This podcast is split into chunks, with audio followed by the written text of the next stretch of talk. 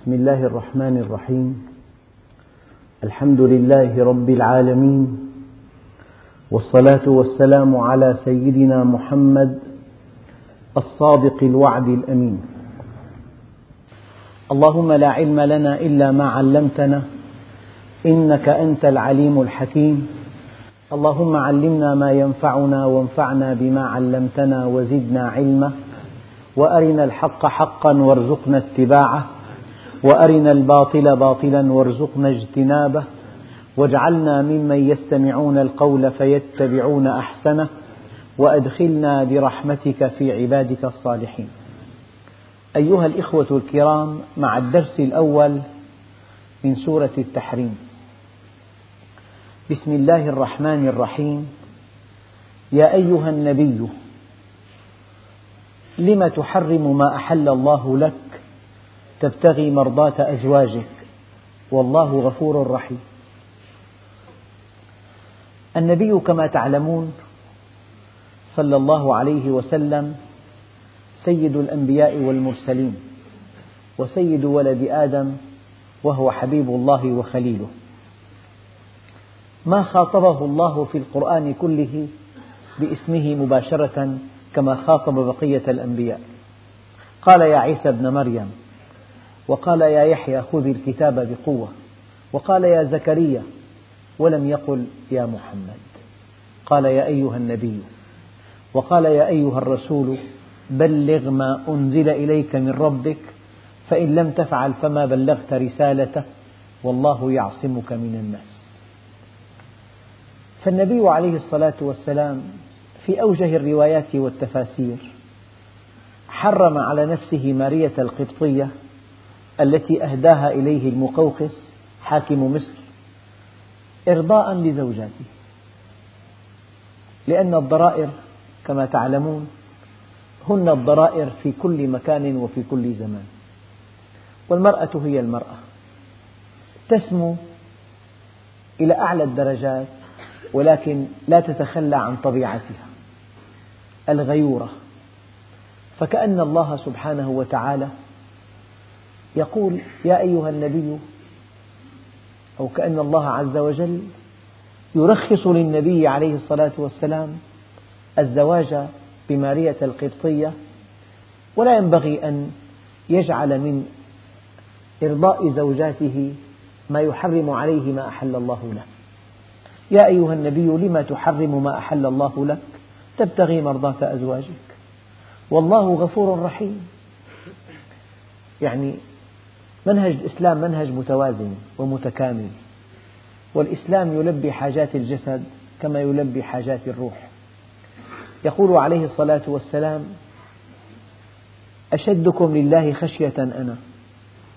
يقول عن نفسه صلى الله عليه وسلم أنام وأقوم أصوم وأفطر أتزوج النساء آكل اللحم.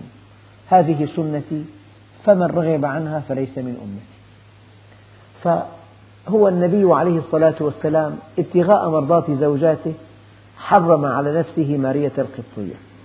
فالله سبحانه وتعالى يبين له لا ينبغي أن تفعل هذا. الحق حق والباطل باطل. قد فرض الله لكم تحلة أيمانكم. هذا هذه الآية يعني يحتاجها كل مسلم. في أكثر الأحيان يتألم الإنسان من موضوع ما فيقسم يمينا مغلظة ألا يزور فلانة أخته أو ألا يفعل خيرا أو ألا يعطي أمه إلى آخره. الله سبحانه وتعالى رحمة بنا شرع لنا كفارة اليمين أو تحلة اليمين. تحلة اليمين تكون قبل الحنث باليمين أما كفارة اليمين تكون بعد الحنث باليمين. الحنث باليمين أن تفعل خلاف القسم. لو أن الإنسان قال والله لا أزور أختي فإما أن يدفع كفارة اليمين قبل أن يزور أخته عندئذ تسمى هذه الكفارة تحلة وإما أن يدفع الكفارة بعد أن يزور أخته عندئذ تسمى هذه التحلة كفارة. فالتحلة قبل الحنث باليمين والكفارة بعد الحنث باليمين. ولكن الشيء الثابت الشيء الثابت أن الإنسان إذا حلف يمينا ورأى الخير في الحنث باليمين عليه أن يحنث بيمينه وأن يبتغي الخير وأن يكفر عن يمينه. يعني ما في حرج إطلاقا. إنسان بساعة غضب حلف يمينا ألا يفعل خيرا ألا يزور مريضا. ألا يمشي في جنازة ألا يعود مريضا ألا يساعد إنسانا. يمين واليمين منعقدة. هناك يمين اللغو وهناك يمين الغموس وهناك اليمين المنعقدة. اليمين الغموس أن تحلف يمينا لتقتطع بها حق امرئ مسلم.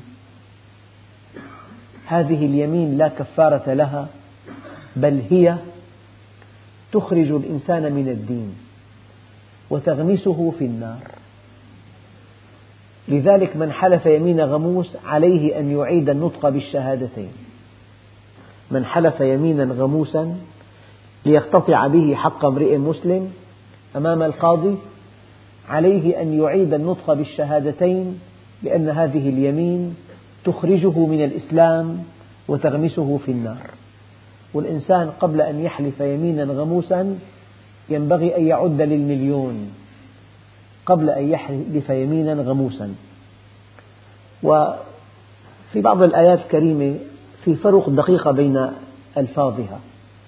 قل سيروا في الأرض فانظروا كيف كان عاقبة المكذبين. وقل سيروا في الأرض ثم انظروا. قد يأتي رد, رد الإله العظيم على اليمين الغموس فورا. يصاب الإنسان بمرض عضال أو بشلل أو يأتي متأخرا إذا كان في الإنسان بقية خير. على كل اليمين الغموس أعاذنا الله منها. هذه اخسر أي شيء وإياك أن تحلف يمينا غموسا. اليمين الغموس لتغطي الماضي. أما الأيمان الأخرى للمستقبل والله لا أفعل هذا. والله لا أزور فلان. هذه للمستقبل. أما الغموس للماضي. من حلف يمينا يقتطع بها حق امرئ مسلم فليتبوأ مقعده من النار. اليمين المنعقدة أن تعقد العزم موثقا بقسم ألا تفعل هذا الشيء. فإن كان هذا الشيء خيرا ينبغي أن تكفر عن يمينك أو أن تتحلل من يمينك وأن تفعل هذا الشيء. هذا حكم شرعي. ينبغي أن تتحلل من يمينك أو أن تكفر عن يمينك وأن تفعل الشيء الذي تراه صحيحا وتراه خيرا. ولم يكن ولم يكن ربنا جل جلاله ليريد أن يكون بينك وبين الخير. لو حلفت بذاته لو أقسمت يمينا معظمة ألا تفعل خيرا احنس بيمينك وكفر عنها أو تحلل منها وافعل الخير. هذا هذا أساس كبير في أسس في أسس الأيمان. أما إذا يمين منعقدة أيضا افعل الخير ولا تلتزم بيمين تحرمك الخير الذي أراده الله لك. لكن العلماء قالوا أنت حينما تستثني لا تحنث بيمينك. إذا قلت إن شاء الله لن أزور أختي. هذا يمين معه استثناء لا يقع فيه الحنث. فأنت تحفظ دائما بكلمة إن شاء الله. لا أفعل هذا والله لا أفعل هذا إن شاء الله. ما دام استثنيت بالمشيئة لا يقع الحنث باليمين في هذا الكلام. قد فرض الله لكم تحلة أيمانكم ورد في بعض الأحاديث من نذر أن يعصي الله فلا يعصيه. من نذر أن يعصي الله فلا يعصيه. وأنا أقول هذه القاعدة لأن كثرة الأيمان بين الناس علامة ضعف إيمانهم. فأكثر ساعات الغضب تنتهي بيمين تحرم صاحبها الخير. فالله سبحانه وتعالى لا يريد أن يكون اسمه الكريم حجابا بينك وبين الخير. فافعل الخير دائما وكفر عن يمينك أو تحلل منها قد فرض الله لكم تحلة أيمانكم والله مولاكم وهو العليم الحكيم. من لنا إلا الله؟ الإنسان دائما مرجعه هو الله. وقد قال الله تعالى وصف المؤمن بأنه أواب. يعني كثير الأوبة كلما زلت قدمه يؤوب إلى الله كلما غفل عنه يؤوب إلى الله. هذا من شأن العبد أن يقع في التقصير أو أن يقع في مزلة الأقدام وليس له إلا الله ليتوب إليه. وإذ أسر النبي إلى بعض أزواجه حديثا فلما نبأت به وأظهره الله عليه عرف بعضه وأعرض عن بعض. يعني المجالس بالأمانة. النبي عليه الصلاة والسلام أسر إلى بعض أزواجه عزمه على ألا يتزوج بمارية القبطية. هي مباشرة أنبأت به آه، أخواتها أزواج النبي عليه الصلاة والسلام. فلما نبأت به أخبره الله عن طريق جبريل أنها نبأت بهذا الحديث. فلما نبأت به وأظهره الله عليه يعني عاتب بعضهم وذكر بعض الذي قلنه وأعرض عن, بعض عن بعضهن الأخر وأعرض عن ذكر بعض بقية الحديث. يعني يستنبط من هذا إنسان انحرج أمامك واجهته بخطئه. فانحرج يعني اكتفي بحد معقول. لا تبالغ. صار في خطأ واعترف بخطأه في غلطة ثانية أعيد عليك أنا. وغلطة ثالثة ما دام تراجع ما دام استحى ما دام خجل ما دام اعتذر أنت عرفه ببعض أخطائه وتجاوز عن بعض أخطائه الأخرى.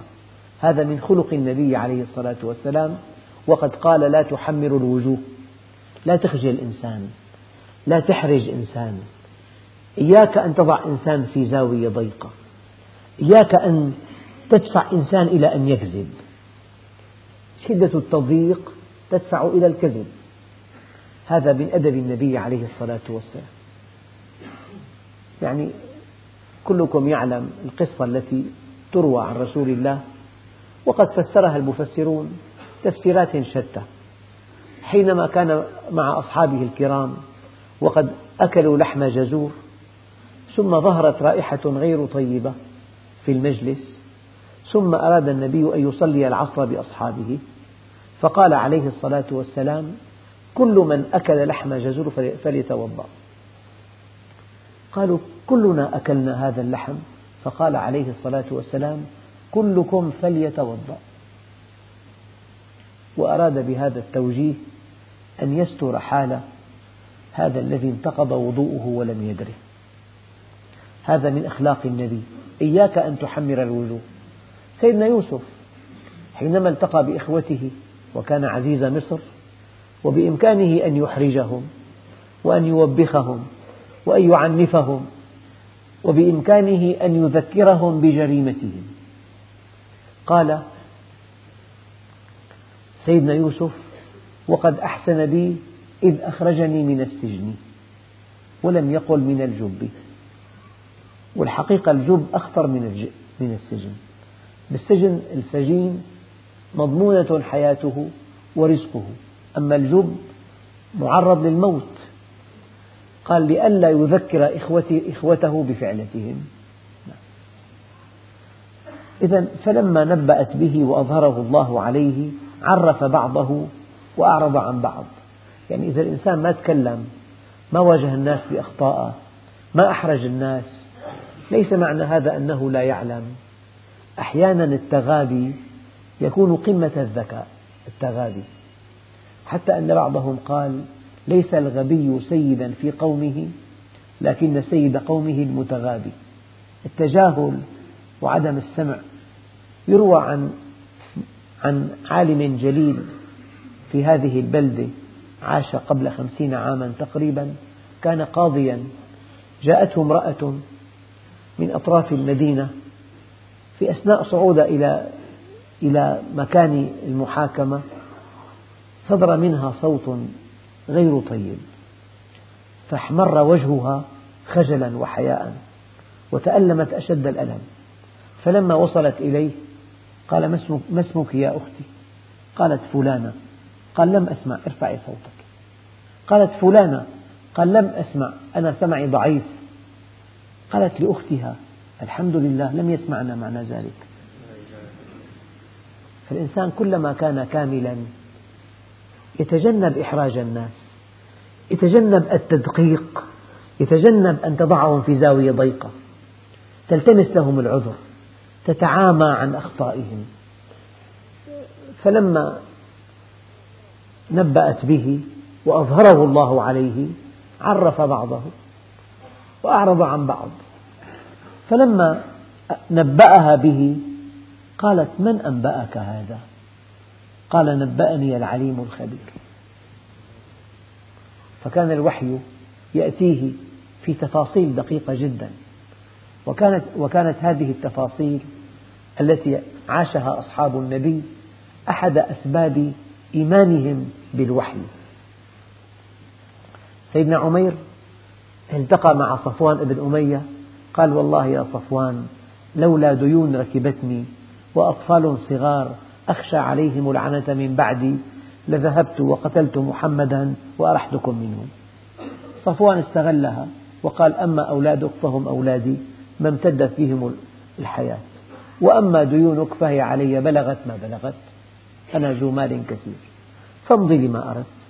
لما دخل على النبي مقيدا بحمالة سيفه قال له عمر هذا عدو الله جاء يريد شرا. قال له يا عمير ألم تقل لصفوان بن أمية لولا ديون ركبتني إلى آخره؟ وقف. وقال أشهد أنك رسول الله.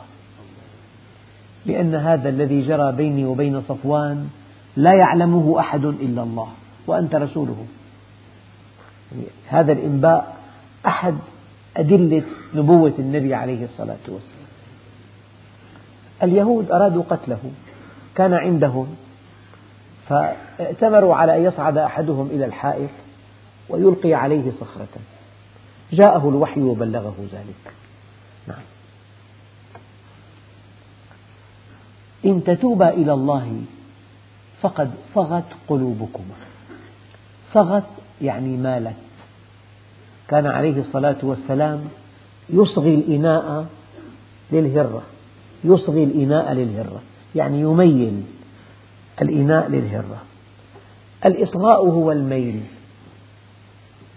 والإنسان إذا استمع إلى كلام رائع يصغي. يعني يميل إلى هذا الكلام الرائع فيعطيه أذنه. إذا علامة الميل التوبة. علامة الصدق التوبة. علامة الفهم التوبة.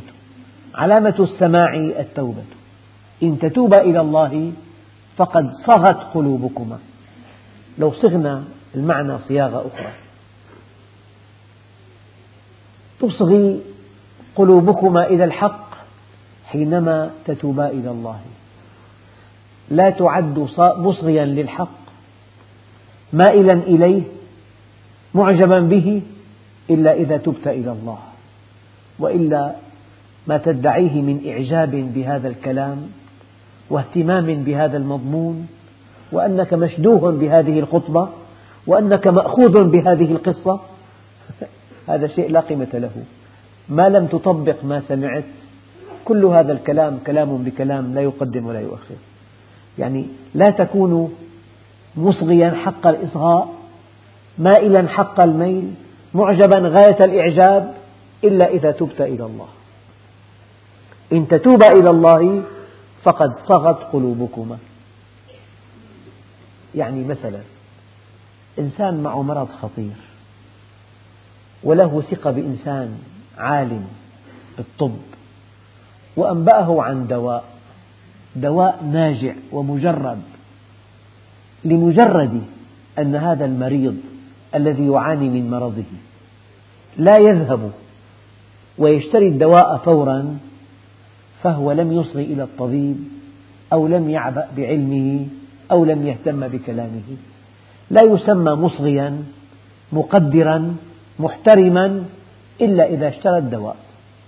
علامة إصغائه علامة تقديره علامة إكباره علامة إعجابه المبادرة إلى شراء الدواء. أما إذا في إعجاب جدلي في, في آه، مديح كاذب بالنتيجة الدواء لا يشتريه. أي دقيقة جدا. إن تتوبا إلى الله فقد صغت قلوبكما. الإصغاء الميل لا تكون مائلا للحق لا تكون منيبا إلى الحق لا تكون معجبا بالحق لا تكون مكبرا للحق إلا إذا طبقت الحق. لا سمح الله إنسان مريض مرضه كبير والدواء ناجح ورخيص وميسور ومبذول والمتكلم عندك صادق. إن لم تبادر إلى شراء الدواء فأنت لم تستمع ولم تعقل ولم تقدر وقل ما شئت. فالمحك التطبيق. إن تتوبا إلى الله فقد صغت قلوبكما وإن تظاهرا عليه فإن الله. الآية عجيبة. يعني امرأة فإن الله هو مولاه وجبريل وصالح المؤمنين والملائكة بعد ذلك ظهير. يعني هاتان المرأتان الضعيفتان تحتاجان إلى هذا التضافر؟ فإن الله هو مولاه وجبريل وصالح المؤمنين والملائكة بعد ذلك ظهير. قال بعض العلماء ليس المقصود أن هاتين المرأتين يحتاجان إلى كل هذا ولكن المقصود أن أي إنسان يفكر أن يطفئ نور الله عز وجل أو أن يعارض الحق أو أن يقف أمام الحق يجب أن يعلم أن الله وجبريل وصالح المؤمنين والملائكة جميعهم ضده. يعني مشان تعرف قبل أن قبل أن تقف أمام الحق معارضا من هو الطرف الآخر؟ أيام بيساووا مناورات بعض الدول. يقول لك الأسطول الفلاني آه، عمل مناورة في الخليج الفلاني. مشان يعلم هذا الجهة الثانية من هو من هو الطرف الآخر؟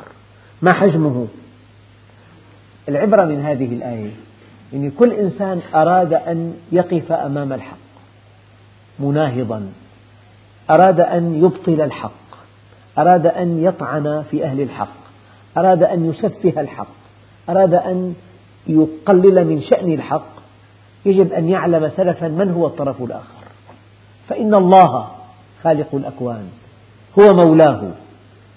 طبعا معه رسول الله وجبريل وصالح المؤمنين والملائكة بعد ذلك ظهير مثلا إنسان عنده ألف جندي وعنده يعني مركبتين آليتين وعنده عشر بنادق هذا الإنسان مع هالعشر بنادق ومركبتين آليتين بيقدر يقيم يعلن الحرب على أكبر دولة بالعالم في عندها قنابل بتبيد الأرض بخمس خمس مرات ممكن شو القصد بالآية هي؟ أنه أي إنسان أراد أن يقف أمام الحق من هو الطرف الآخر؟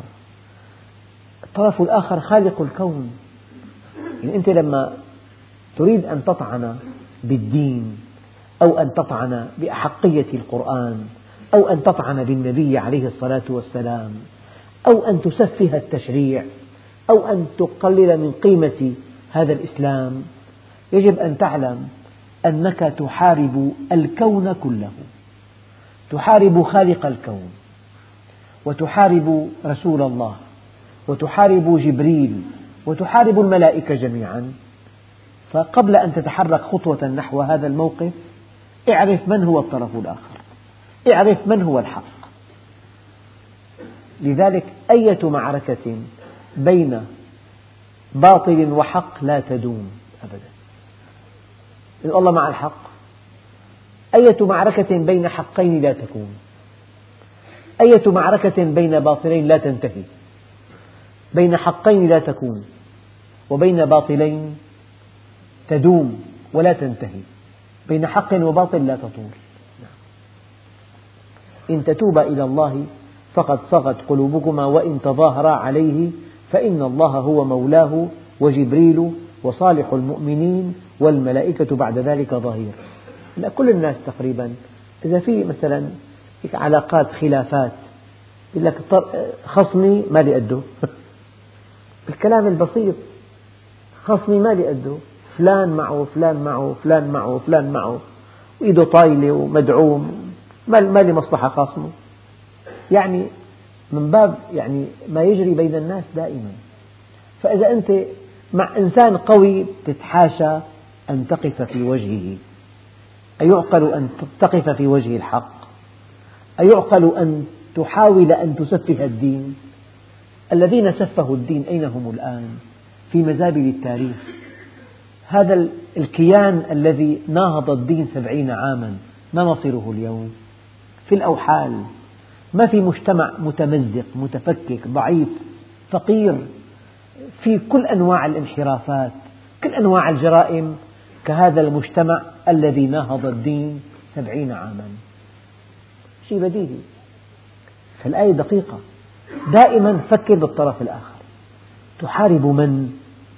تنتقد من؟ تسفه من؟ تطعن بمن؟ تقلل من قيمة من؟ الطرف الثاني هو الحق. الله هو الحق. الله بيده كل شيء.